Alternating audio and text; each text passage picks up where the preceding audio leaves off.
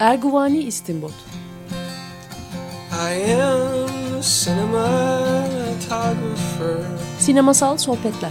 And I walked away from New York City. And I walked away from everything that's good. Oh, I am a cinematographer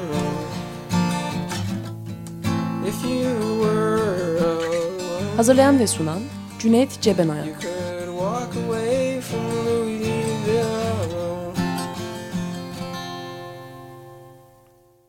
Merhaba, 94.9 Açık Radyo'da Erguvan İstinbot programındayız. Ben Cüneyt Cebenayan, konuğum Tuna Erdem'le Christopher Nolan'ın Akıl Defteri ya da Memento adlı filmini konuşacağız bugün. Hoş geldin Tuna. Hoş bulduk. Ee, ben standart açıklamalarımı yapayım. Ee, bu, pro, e, bu programda ele aldığımız filmlerin sonunu açıklamaktan ya da işte sürprizlerini açık etmekten falan çekinmiyoruz. Filmi seyrettiğinizi varsayıyoruz. Ee, ama e, yakın zamanda seyretmemiş olma ihtimalinizi de düşünerek bir de özet geçmeye çalışıyoruz kısaca. Ondan sonra da Allah ne verdiyse gidiyoruz işte. ee, işte böyle. Peki, e, başlayalım mı? İstersen bir özet Deneyelim. geçmeye çalışalım mı? Tamam. Deneyelim. tamam. E, film aslında e, çok nadir bulunan bir e, hafıza sorunu çeken bir karakterin sanıyorum üç günlük bir zaman dilimini anlatıyor bize. Gerçi bunu da çözmek baş başına bir sorun ama e, sadece 15 dakika kadar bir hafızası olan ondan sonra şey silinen belli bir hayatında yaşadığı olaydan itibaren hiçbir şekilde yeni hafıza edinememiş olan bir tane kahramanımız var. Ee, bir cinayetle başlıyor. Lenny. Len, evet Le, Lenny denmesinden hoşlanmıyor. O, Karısı ona Lenny dermiş. Doğru. O, nedense hoşlanmıyor o yüzden. Ee, karısını hatırlattığı için değil o zaman da hoşlanmıyormuş. Böyle evet, durumu var. Evet, doğru. Ee, sonuçta tabii aslında galiba filmi hatırlatmak için bir şey yapmaya çalıştığımızda bu hikayeyi daha fazla zorlamak yerine filmin nasıl bu hikayeyi anlattığını hatırlatmak daha hafıza canlandırıcı olabilir. Çünkü herhalde Memento'yu ünlü yapan aslında hikayeden çok onu hikayeyi anlatma biçimi. Hı hı. Sonuçta film 22 tane renkli, 22 tane siyah beyaz bölümden oluşuyor. Siyah beyaz bölümler bildiğimiz kronolojik sırada akıyorlar ama renkli bölümler tersine doğru akıyorlar. Dolayısıyla biz olayı sonundan başına doğru izlemek durumundayız. Üstelik her bir yeni sekans başladığında bir öncekine göre tam olarak nerede olduğumuzu kendimiz oturtmak yani seyirci olarak bizim de bir hafızamızı inanılmaz derecede zorlamamız gerekiyor. Dolayısıyla hı hı. film hafıza sorunu olan bir adam anlatıyor Seyirci olarak biz de onun hikayesini seyretmeye çalışırken ciddi biçimde hafızamızı zorluyoruz. Sanırım filmi hatırlatmanın en kolay yolu da bu yani. Ee, evet e, şey e, filmdeki siyah beyaz bölümlerin e, renkli bölümlere göre daha geçmişte olan bir olayı anlattığını belki söyleyebiliriz. Gerçi bir aşamada ikisi de birleşiyorlar. birleşiyorlar. Sonunda birleşiyorlar. Evet. Bir, yani İlk yaşanan olay gerçekten siyah beyaz bölümde. O daha kısa bir zamanı anlatıyor zaten. Kendi içinde tek bir sekans olabilecekken 22 parçaya ayrılmış Hı. bir şey o. O bittiği anda renkliler başlıyor kronolojik olarak. Zaten aslında tam aritmetik olarak doğru bir şey söylemedim. 22 siyah beyaz 22 renkli bölüm var. Bir tane de yarısı siyah beyaz yarısı renkli olan bir plan daha var. Gerçekten bunlar birleşiyorlar bir noktadan itibaren. Yani daha geçmiş deyince hele de sinemada böyle siyah beyaz flashbackler falan yapıldığında bayağı anlatılan hikayeye göre bayağı geriye gidiyoruz zannediyor. Öyle bir şey yok aslında Öyle bir şey yani. evet, evet. Üç güncük bir şey var onun en birinci günü siyah Hı-hı. beyaz aslında o kadar Hı-hı. yani. Şöyle belki denilebilir siyah beyaz bölümün içindeki o da aslında o üç günlük süre içinde gerçekleşen bir konuşmayı içeriyor. Ama o konuşma içerisinde adamın hafızasını yitirir gitmesinden önce yaşadığını zannettiği bir hikaye var. Evet, Sammy Jenkins'in hikayesini Sammy anlatıyor. Jenkins'in hikayesi Telefonda var. kime olduğunu da çok da bilmediğimiz. Evet. Sonradan çıkıyor evet, O hikayenin de doğru mu yanlış mı her şey Evet. Yani Haf ben hafızanın güvenilmezliği içinde. yani bana kalırsa film açıkça Sammy Jenkins hikayesinin yanlış olduğunu söylüyor bana kalırsa. Hı hı. Yani e, şöyle ki Sammy Jenkins diye birisi varmış. Bu da sigor e, eski hayatında kahramanımız sigorta e, müfettişiymiş. müfettişiymiş. Evet. Ve gerçekten Sammy Jenkins diye birisinin davasına bakmış fakat o kişi tamamen e, uyduruk bir şeyle geldiği, hastalıkla geldiği ortaya çıkmış. Bütün bu anlatılan uzun uzun şeyde anlatılan siyah beyaz bölümlerdeki hikayeyle hiçbir ilgisi yok. Orada anlatılan hikaye gerçekten aslında kahramanımızın başından geçen hikaye. Hı hı. Dolayısıyla o hikayeyi kendi hikayesi olarak hatırlamayı, sahte bir anı yaratmayı başarmış olduğu ortaya çıkıyor filmin sonunda. Yani büyük sürprizlerinden biri bu gerçekten sonuçta. Ee, hatta denilebilir ki yani yaptığı her şey bunu bu şekilde hatırlamak için yapılan şeyler. Hı hı. Bir de şu var, evet öyle bir hikaye de var da e, acaba o yaptığı her şey konusunda tamamen sorumluluğu Leonard'ın ya da Lenin'in bilinçaltına mı atacağız, e, yükleyeceğiz sorumluluğu yoksa e, o polis, corrupt, yolsuz polis, yol, ne denir ona? Neyse Yoz polis. Yoz. Evet. Yani Yoz polis. Ee, onu bir şekilde manipüle etmek için onun beynine insept ettiği bir şey olabilir mi? Valla yani, Inception evet, da ileride. Gerçekten. Ee, Valla benim açıkçası e, şöyle bir an olduğu için bu filmin içinde aslında filmi çok e, ilginç bulmama sebep olan şeylerden biri şu. Şöyle bir cinayet anı var bu filmin içinde. Bir adam bunun sonunda cinayet işleyeceğini bile bile bir kağıdın üstüne e, bir şey e, plaka numarası yazıyor. O bir cinayet anı olarak sunuluyor filmde. Çünkü adam kendi durumunu biliyor. E, unutacağını biliyor. Sadece üstüne dövme yaptırdığı şeyleri sonradan gerçek kabul ettiğinin gayet farkında. O sırada film iç ses olarak kafasından geçenleri de bize söylüyor açıkçası. Ve şu anda oraya dövme yaptırmak üzere bu adamın plakasını yazarken bunun sonunda onu öldürmekle biteceğinin gayet farkında. O yüzden filmde aslında açık cinayet sahneleri olmasına rağmen gerçek cinayet sahnesi o. Öbürlerinde evet manipüle edilerek sonuçta hmm. öldürdüğü anları görüyoruz. Gözümüzün hmm. önünde hmm. birisini öldürdüğü anlarda o ne yaptığını farklı olmadan yapıyor bunu. Hmm. Onun gerçekten cinayet işlediği an bir kağıdın üstünde bir numara yazdığı an oluyor o yüzden. Yani bilinçli ne yaptığının farkında olarak cinayet işlemeye şeyini, iradesini gösterdiği an orası. Doğru. Dolayısıyla tabii ki manipüle ediliyor ama galiba filmin demeye çalıştığı şey sonuçta adamın kendini de manipüle ettiği. Yani hani öyle bir zavallı, bir hasta bir adam var da insanlar onu manipüle ediyorlar gibi bir hikaye anlatılmıyor sonuçta. Gerçekten hatırlamak istemediği, yüzleşmek istemediği, baştan sorumluluğunu almamış olduğu, adına asla cinayet denemeyecek bir ölümünden kaçmak için artık e, biz sayısını bile bilmiyoruz. Kaç tane insanın ölümüne sebebiyet verdiği ortaya çıkıyor gibi geliyor bana sonunda yani. Hı hı hı. Evet sayısını hakikaten bilemiyoruz. Biz bir tür seri katil aslında. Evet. JG baş e, şeyi olan e, yani adını J harfiyle başlayıp G soyadı da G harfiyle başlayan herhangi bir insan yani yüzlerce insanı öldürmüş olabilir. Evet, orada Sınırı da, yok yani. Gerçekten orada da şey esprisi var zaten. İlk adı John olacakmış. Malum Amerikan filmlerinden de çok iyi bildiğimiz üzere bir ceset bulunup da kimliği teşhis edilemeyince adına John Doe deniyor zaten. Yani evet. Otomatikman bu kimliği teşhis edilemeyen herkesin adı John zaten. Hani o derece neredeyse espri gibi o yani hani ortada bir veri falan yok. Adı John olan herkesi öldür gibi bir daha ziyade gerçekten seri katil şeyi var gibi eğilimi var hmm. gibi ortada. Fakat yani şöyle bir şey bana ilginç geliyor. Bu adamın durumu böyle gerçekten çok aşırı bir durum. Çok farklı bir durum. Hani kimsenin başına böyle bir şey gelmeyeceği varsayılarak biz bir film seyrediyoruz. Ee, ne geliyorsa başına çok böyle sadece bu kadarcık bir hafızası olması yüzünden geliyor. Fakat filmin ilginç bir tarafı şu. Ee, adamın hafıza kaybına ilişkin bize sunduğu bir sürü şey aslında herkesin, hepimizin hayatta e, hafıza ile ilgili yaşadığı sorunları doğrudan hatırlatacak türde şeyler. Yani şunu kastediyorum. Mesela işte bir ara resetleniyor e, hafızası, hiçbir şey kalmıyor. Kendini bir anda elinde bir içki şişesiyle bir banyoda buluyor. Bir tuvalette buluyor. Neresi olduğunu bile bilmediği.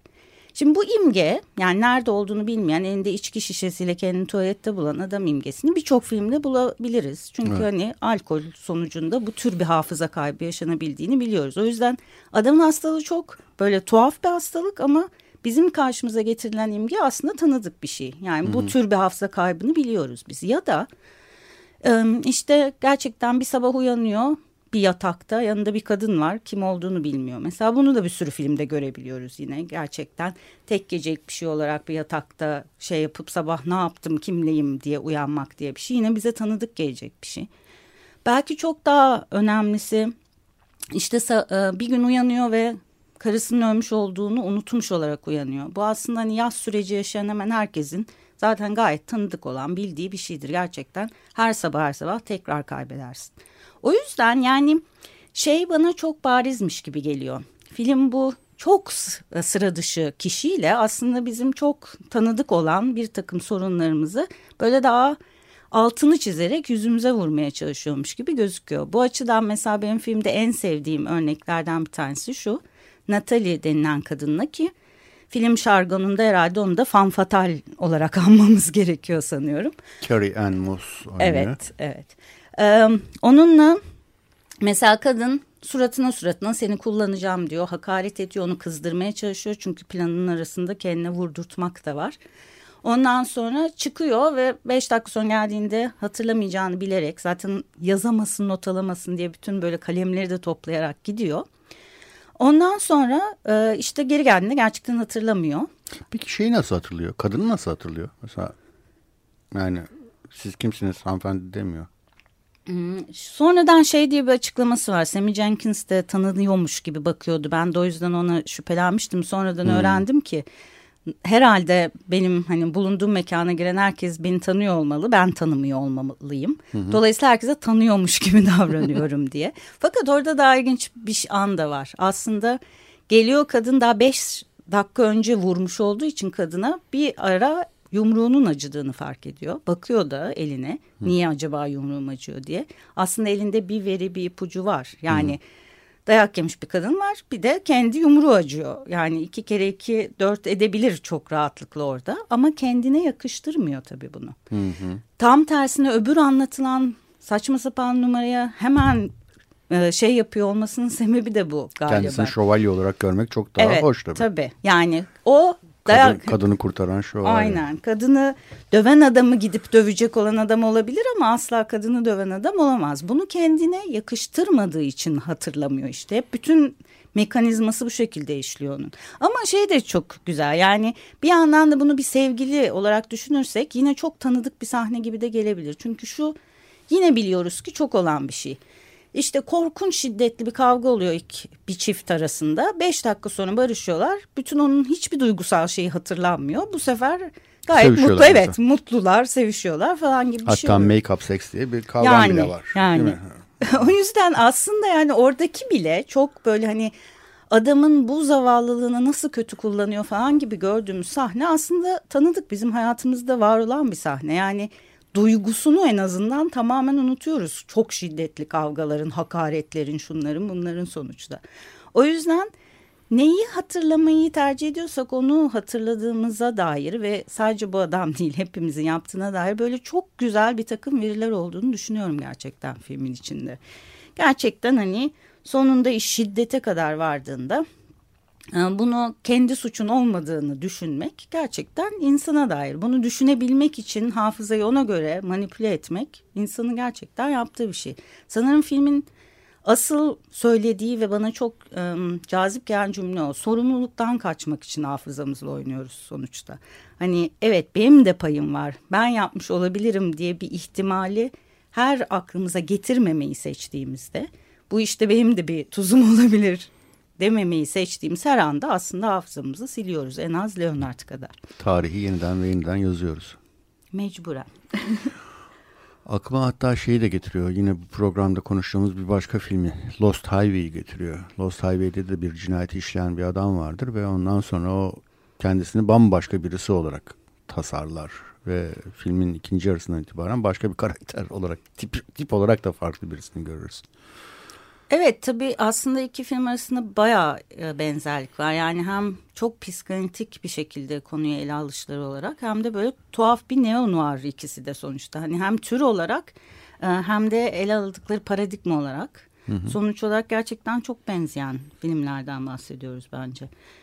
E, şeyin bir anlamda işte bu seyirciyi de bu kadar zorlayan yapıları olması açısından da sanırım benzetmekte evet, fayda evet, var. Benzetmekte fayda. Yani birilerine ait bir tuhaf hikaye izliyormuş duygusunu ikisinde de veremiyorsun. Seni de zorluyor. Sen de o işin bir parçası haline geliyorsun. Yani an be an Memento'da ama Lost Highway'de mesela ikinci yarıdan itibaren hani devam edebiliyorsan sen de onun bir parçası haline geliyorsun gerçekten. Burada da böyle bir şey var.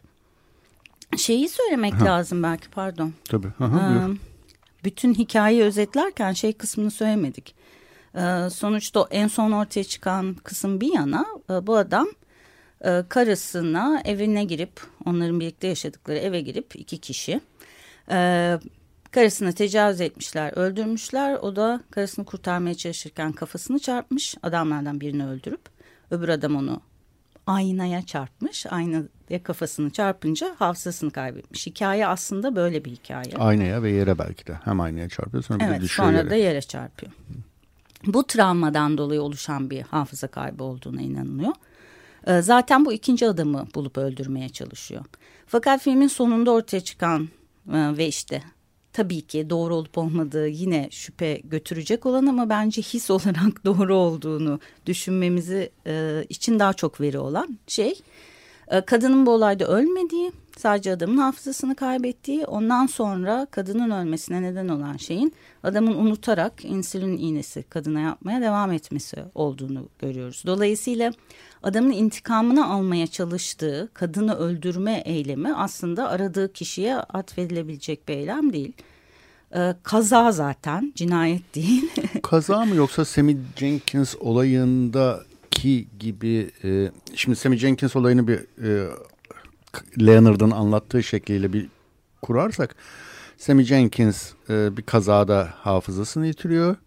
Karısı sağ kalıyor, kendisi sağ, hafızasını yitiriyor hafızasını yitiriyor derken kısa süreli hafızasını hı hı. yitiriyor. Yeni bir şeyler öğrenme kapasitesini tamamen yitiriyor. Karısı bu duruma dayanamıyor. Sigorta şirketi ise adamın numara yaptığı ihtimali dolayısıyla işte ilaç bilmem ne bir takım tazminat falanlardan kurtar, kurtulmak için adamın e, şey yapma ihtimalini araştırıyor. Rol yapma ihtimalini araştırıyor. Biz bunu yapan da bizim Leonard'ımız. Leonard kül yutmaz bir sigortacı havasıyla e, şey yapıyor işte adam da bir takım testler uygulatıyor ve bu testlerde kısa süreli hafızasını kaybetmiş bir kişinin e, bile öğrenebileceği bir takım şeyleri adamın öğrenmediğini saptıyor. Bunun da e, psikolojik nedenli bir şey olacağını ancak yoksa fiziksel olarak bunun mümkün olmadığını e, ortaya koyuyor ve dolayısıyla sigorta adama şey yapmaktan, e, tazminat vermekten kurtuluyor. Tabii bu aile için büyük bir trajedi demek aynı zamanda ama kadının derdi o parayı almak değil. Sammy Jenkins'in karısının. Sammy Jenkins'in karısı şey yapmaya çalışıyor. Ya bu adam gerçekten de e, psikolojik bir sorun mu yaşıyor yoksa fiziksel bir sorun mu yaşıyor? Ben bunu anlamak istiyorum. Sence fikrin nedir falan diye Leonard'a gidiyor. Sonra da böyle bir test yapıyor adam üzerinde. Yani insülinimi yapar mısın diyor. Yapıyor karı, kocası. Sammy Jenkins yani. Sonra tekrar yapar mısın diyor. Bunun ölümcül olduğunu bilmesi gerektiğini düşünüyor kocasının ve eğer farkındaysa bunu yapmayacağını düşünüyor. Ama adam tekrar yapıyor ve tekrar yapıyor ve kadın ölüyor. Yani bir tür öldürtüyor kendisini. Evet. Cinayete azmettiriyor denilebilir. Bir tür intihar ediyor denilebilir. Evet. Eğer kocam gerçekten hafızası yerine gelmeyecekse öleyim daha iyi deme cümlesi evet. olabilir. Ama beni burada çok ilgimi çeken şeylerden biri şu. Ee, galiba asıl burada ölüme sebebiyet veren şey tam da psikolojik olanla fiziksel olan arasındaki ayrımı bu kadar önemsemek. Yani evet. sanki psikolojik olursa kadının yapabileceği herhangi bir şey onu düzeltebilecekmiş evet. gibi bir varsayım olması evet, ortada. Evet. Psikolojik olanın gerçek olmadı. Aynen sorun bu işte. Yani ve bu film sanırım aslen psikolojik olanın gerçekliğini anlatmakla ilgili. Yani hmm. fiziksel olandan daha az gerçek değil. Hmm. Fiziksel olan ne kadar zorsa tedavisi ya da imkansızsa psikolojik olanın da o kadar zor olacaktır. Yani kadın böyle bir numara yapınca düzelecek bir şey olmayacaktır sonuçta. O yüzden hani benim filmi rahatlıkla psikanalitik olarak okuyabilmemi sağlayan, güvence veren şeylerden biri bana bu. Film bana diyor ki aman ha psikolojik olanı gerçek değil zannetme. Buyur onu gerçekmiş gibi e, bak. Çünkü yoksa ölüm kalım meselesi haline gelebiliyor gerçekten. Önemli en az onun kadar ciddi bir mesele olduğunu görmemiş oluyor işte oradaki figür, kadın figürü. Hı hı. Artık tabii kendi karısı mı, Sammy Jenkins'in karısı mı onu bilemeyeceğiz. Ha, Öte Hı. Öte yandan tabii şöyle yani bir... şey de bilmiyoruz. Leonard'ın karısını kazara mı öldürdüğünü aslında bilmiyoruz. Hani nasıl öldürdü? Niye üst üste iki ensülin yaptı karısını istedi? Gerçekten öyle. Çünkü şimdi Hı -hı. hikayeler birleştirildiği zaman sonuçta kadın e, kendine yazdığı hikaye tercih edip kendine yazdığı hikayede kadın baştan zaten tecavüz edildikten hemen sonra ölüyor. Halbuki ölmediyse bütün bunların yaşandığı bir evin içinde yeniden kurulmaya çalışılan bir ilişki de var. Bir tarafta bir hafıza sorunu var. Bir tarafta kendini yine sorumlu tuttuğu karısının yaşadığı bir travma da var. Sonuçta orada gerçekten muhtemelen psikolojik yardım da gerektiren ciddi bir sorun var evin içinde. Hı hı. Ee, onunla uğraşırken pekala sonuçta kaza mı? Gerçekten karısı ölse daha iyi diye mi düşündü? Yine sinemadan çok tanıdık bir şeydir yani tecavüz e, ölümden beter bir şey olarak bakılır ve hı hı hı. artık geçmiş olsun sen benim karım değilsin diye düşünebilir böyle bir tema da var. Yani tabii bütün bunlar bilmediğimiz için aslında bilinç dışındaki olasılıkların tümünü filmin bizim önümüze sermesi haline geliyor. Ve tabii bilinç dışında zaten her şey gerçek. Yani insan sevdiği birisinin ölümünden sonra patolojik yaz gibi bir şeyin içine düşüyorsa e, Freud der ki bu hani vaktiyle e, çok yakın ilişkide olduğun herkesle ilgili yok olsa bu gitse hayatımdan çıksa diye düşündüğün her şeyi bilinç dışın öldürme arzusuyla aynı denk düşürüyor. Dolayısıyla suçluluk duygusu her durumda yaşarsın. Yani şeyin bilinç dışı düzlemde şeyin bir farkı yok. Gerçekten öldürmek mi istedin? Kaza mı oldu? O seni oyuna getirip kendine insülin iğnesi mi yaptırdı?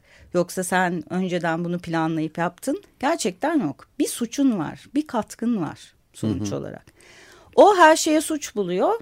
Ondan sonra bilinçli hali de ondan kaçınmak için hiçbir suç kendinde bulmayarak yaşıyor. İşte bu iki ekstremin arasında da bizim hani bu paradigmanın içinde sağlıklı sayılan şey sorumluluk Nurla yüzleşip o kadarını üstüne almak. Tamamen kahraman olacağım, suçsuz olacağım diye dolaşmaya çalışmanın sonu seri katil olmakmış gibi gözüküyor çünkü. Dolayısıyla evet yani e, üstündeki en büyük dövmesi her gün kendine bakıp kendini yeniden tanımasını sağlayan, ben kimim, ne yapıyorum, neredeyim anlamasını sağlayan en büyük dövme işte Johnny G benim karımı öldürdü ve tecavüz, tecavüz etti. Bu cümle var. Ee, sonuçta adamı hayatta tutan cümle bu. Hı hı. Buna inanarak hayatta e, duruyor. Ve unutmayalım ki adamın sorunu yeni hafıza edinememek olduğu kadar eskiyi unutamamak sonuçta. Hı hı. Yani o da bir araz. Bu konu üstüne yaşayacak. Kaç yıl geçtiğini bile bilmiyor aradan. Bu da çok ilginç bir şey mesela. Yani kaç hmm. yıl önce karısının öldüğü hakkında en ufak bir fikri yok. Kendisini tanımlayan şey kimliği o. Bu evet. Kimliği o yani karısının tecavüz edilip öldürülmüş olması ve onun onun intikamın peşindeki adam insan olması. Evet aynen Bu, böyle. Bundan ibaret. Hı hı. İşte gözümüzün önünde diğer kadınla kurduğu ilişkiyi model alırsak çünkü almak da lazım. Natalie ile mi? Evet yani ona vurdu beş dakika sonra eli acıdığı halde yo ben gidip onu vur şey ona vuran adamı bulayım da döveyim dedi. Aynı şey oluyor aslında. Yani zarar veren o kadına hı hı. ama başka birisi zarar verdi diye gidip ona yakalayıp intikam almaya çalışıyor. Natalie ile de bunu yaşıyor. Hı hı. E bu bir modelse karısına da aynen uyarlanabiliyor. Yani insülini bir şekilde o verdiyse öldüren kendisi ise sonra o Johnny C'ye arıyor bu sefer intikam almak için. Yani aslında tekrar ediyor her şeyi. Tekrar tekrar aynı şeyi yaşaması sadece her seferinde kendine bir Johnny G'yi bulması değil kadınlarla kurduğu ilişkide de görebiliyoruz bunu. Hatta adam hep şey diyor ya e, ben kim olduğumu biliyorum diye bir lafı var. E, aslında sandığından daha doğru bu laf. Şunu kastediyorum mesela kendini bir ara koşarken buluyor. Sokakta koşuyor. Bir bakıyor biri daha koşuyor. Diyor ki ben kesin bunu kovalıyorumdur. Şimdi bu insanın kendiyle ilgili gerçekten çok ilginç bir bilgi. Mesela ben kendimi böyle bulsam kaçıyorumdur diye düşünürüm otomatikman. Onun kendimi biliyorum ben bir sigorta müfettişiyim falan diye anlattığı hikaye bence uygun değil bu mesela. Sokakta koşuyorsak kesin ben kovalayan adamdır diyecek bir bilgisi yok aslında kendiyle ilgili. Yani şunu demeye çalışıyorum sonuçta ya da şu örnek. Bir duşa giriyor nerede olduğunu bile bilmiyor. Yeni ayılmış yine duşa giriyor. Birisi giriyor aynı mekana hemen üstüne saldırıp onu dövmeye başlıyor. Belki adamın mekanındasın zaten hiçbir şey bilmiyorsun. Doğrudan şiddetle tepki veriyor. Yani kısacası adam kendisinin gerçekten şiddete eğilimli olduğunu, kaçma kovalamaca varsa kovalayacak taraf olduğuna dair bir fikri de yok değil. Var böyle bir fikri. Gerçekten de bu fikir bize anlattığı iyi aile babası başına travmalar gelmiş adamla çelişen bir tarafı var kısacası onu demeye çalışıyorum. Hı hı. Peki bir şarkı dinleyelim şimdi. Gerçi filmden değil e, ama adı e, tam da filmle ilgili. I Don't Remember Peter Gabriel'dan geliyor. 94.9 Açık Radyo'dayız. Erguanistim Bot programında ben Cüneyt Cebenoyan, konuğum Tuna Erdem'le Christopher Nolan'ın Memento ya da işte Türkiye'de gösterildiği adıyla Akıl Defteri adlı filmini konuşuyoruz. Ee, şarkı sırasında biz bir sürü şey daha konuştuk aslında. Kimlik, e, kendini kandırma, kendi kimliğini inşa etme falan. Bunların Christopher Nolan'ın kariyerinde hep görülen aslında temalar olduğunu, buna dair hikayeler anlattığını konuştuk. Buralardan gidelim istersen bir yerlerden ya da senin aklında ne varsa. Evet yani şey konuştuk biraz Inception'dan bahsettik ve orada hani işin macera kısmı çok daha ön, hem ön plana geliyormuş gibi gözükebilir de gerçekten aslında yine bir travmadan kaçınmak için ne maceralar ne kademe kademe hayal dünyaları falan kurulması gerektiğini anlatmak gibi bir işi var.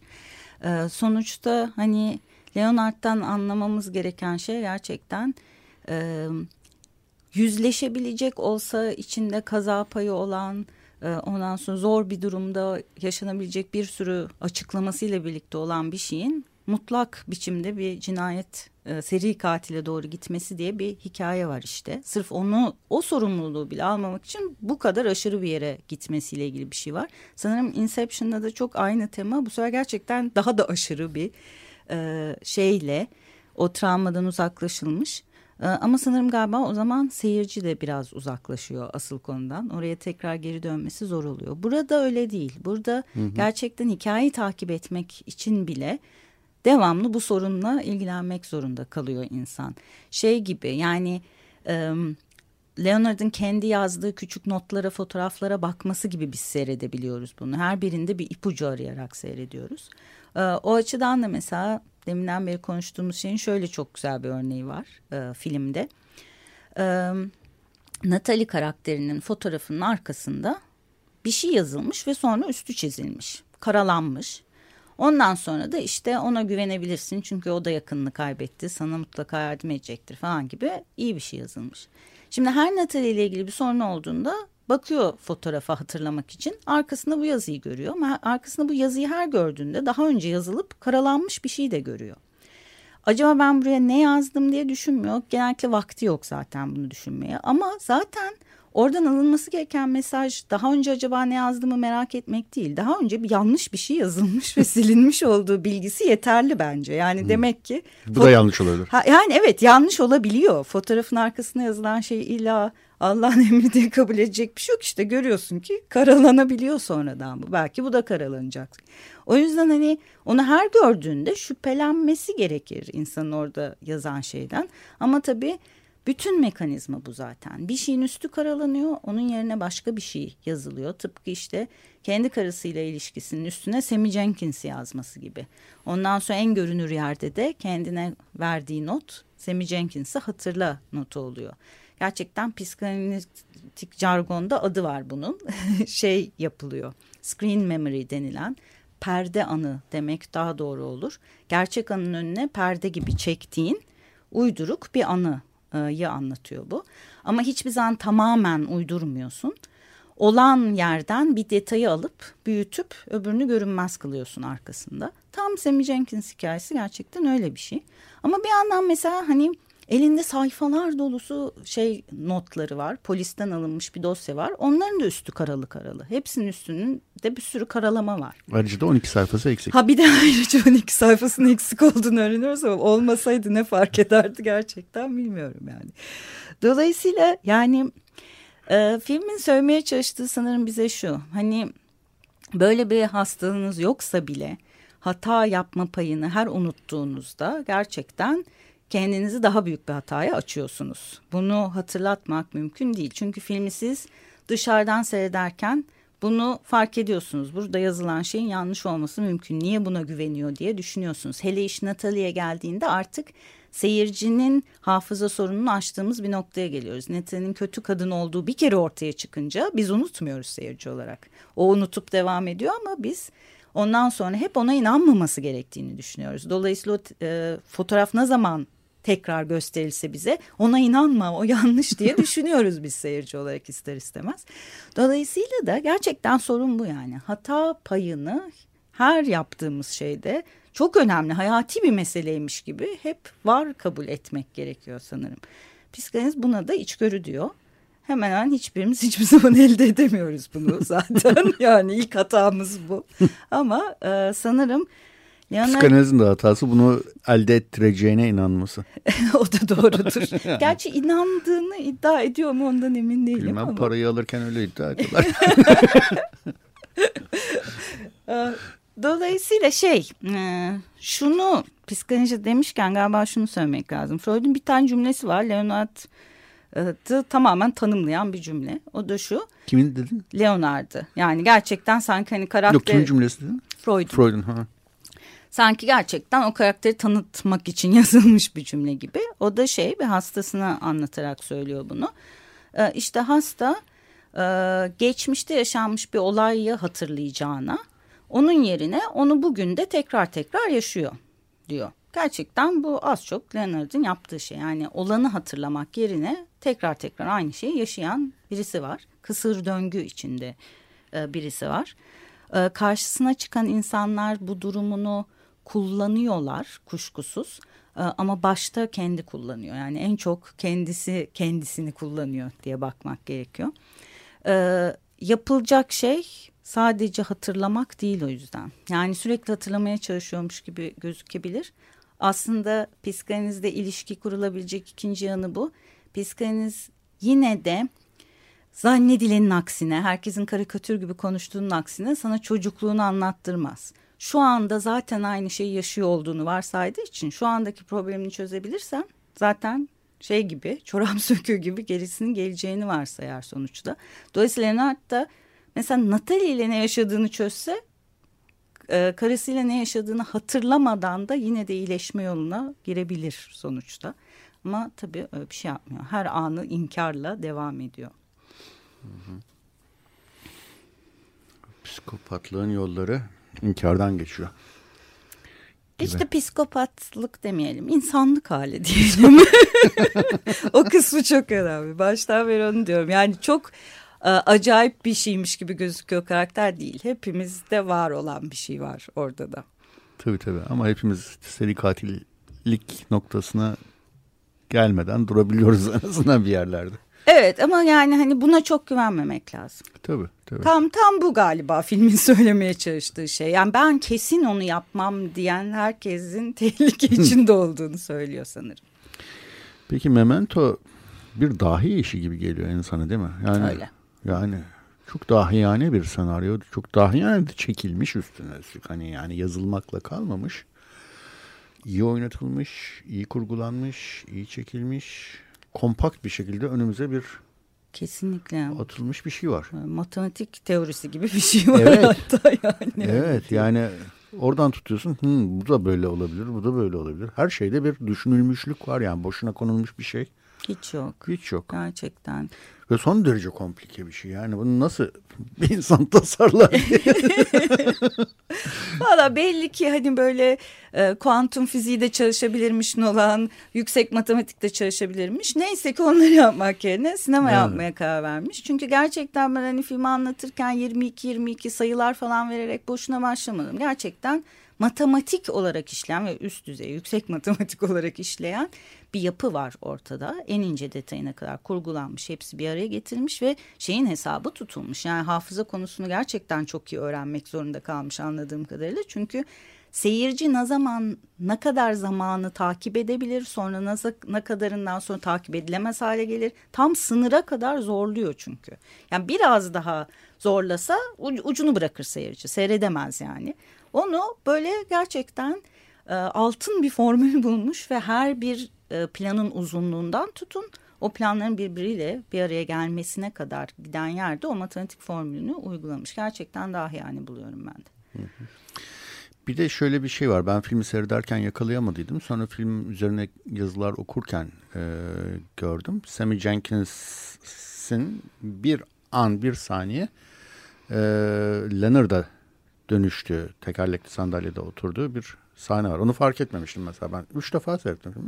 Şimdi de evet. görmedim yani. Subliminal kurgu kullanılıyor evet, çünkü yani evet, hani evet. E, kare konuluyor. Kare konuluyor evet. O yüzden. Sonradan ama gördüm tabii yani başka bir yazı filmden o bölümü de koymuş içine. Evet. Orada da çok güzel bir gönderme var işte. Yani gözünle gördüğün şeyi algılayamayabileceğini fiziksel olarak mümkün değil o gerçekten. Yani 25. kareyi koyuyor oraya 24 karenin içinde. Göz onu algılayamaz. Ancak durdurup kare kare baktığında mesela fark edebileceğim bir şey o. Ee, hani daha önce birçok filmde de yapılmış bir şey ama yine de hani bunun alışkanlıkla falan ilgisi yok. Fiziksel olarak mümkün olmayan bir şekilde algılamıyorsun zaten onu. Fakat hani olan sanki işte bir kere daha bizi karakterle aynı duruma düşüren bir şey yapıyor. Yani gözünün önündekini göremeyeceğini, bunun fiziksel olarak mümkün olmadığını, insana aştığını kanıtlamış oluyor bunu oraya koyarak.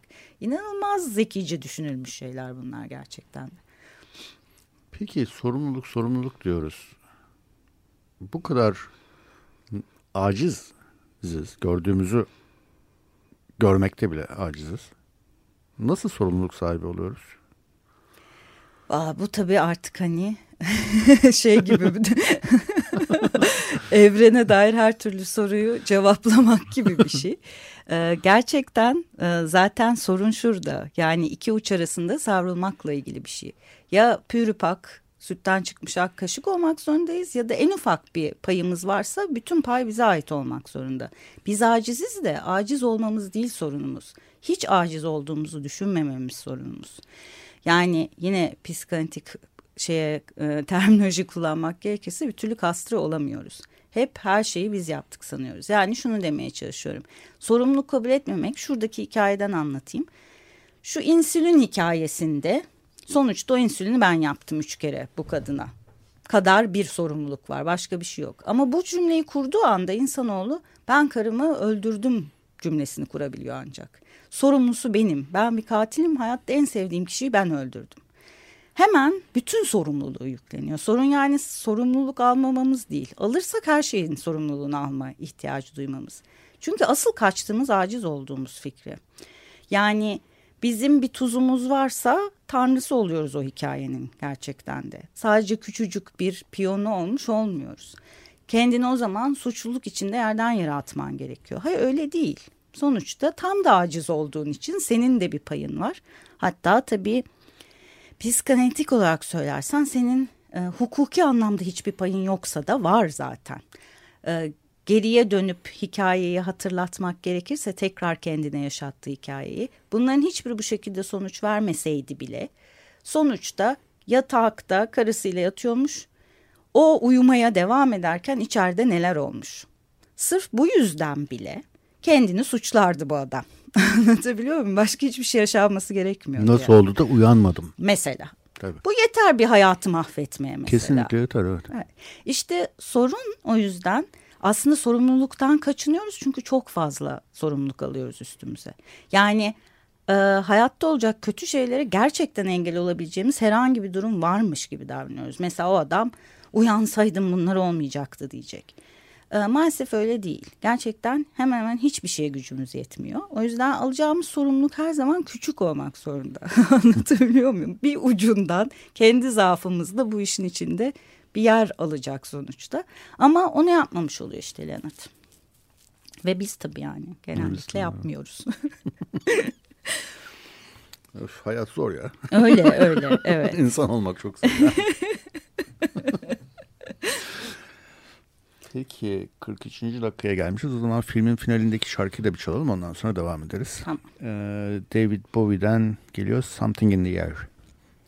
94.9 Açık Radyo'da Erguani İstinbot programındayız. Ben Cüneyt Cebenoyan, konuğum Tuna Erdem'le.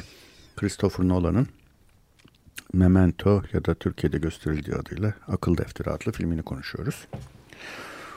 Ee, başka ne söyleyebiliriz? Ya da Christopher Nolan'ın genelde bu kimlik, hafıza, yaz e, gibi temaları diğer filmlerinde nasıl kullandığından mı konuşalım yoksa bu film üzerine daha söylemek istediğin?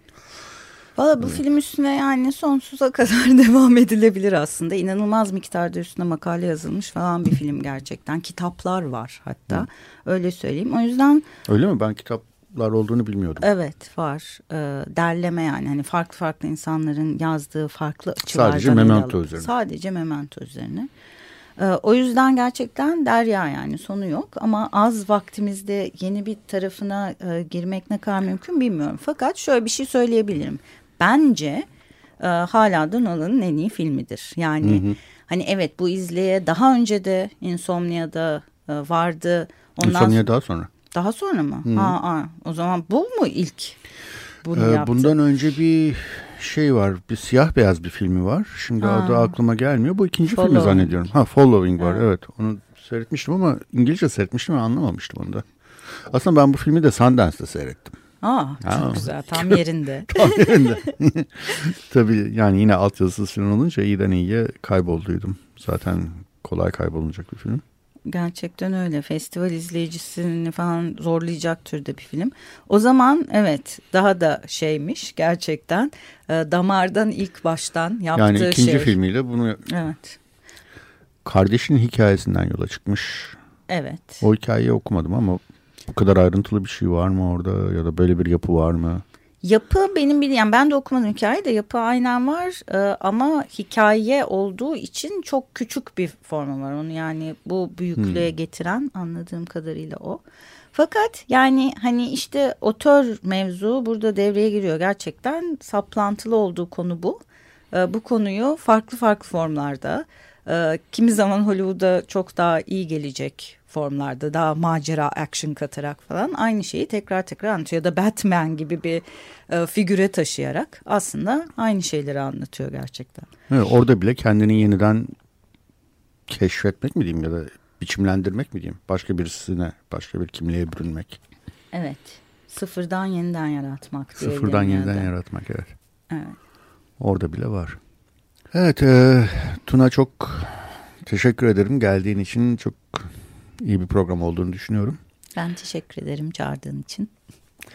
Ee, programı şöyle kapatalım. Filmden bir müzikle kapatalım. Amnezya. Geç alıyoruz. Gelecek hafta görüşmek üzere.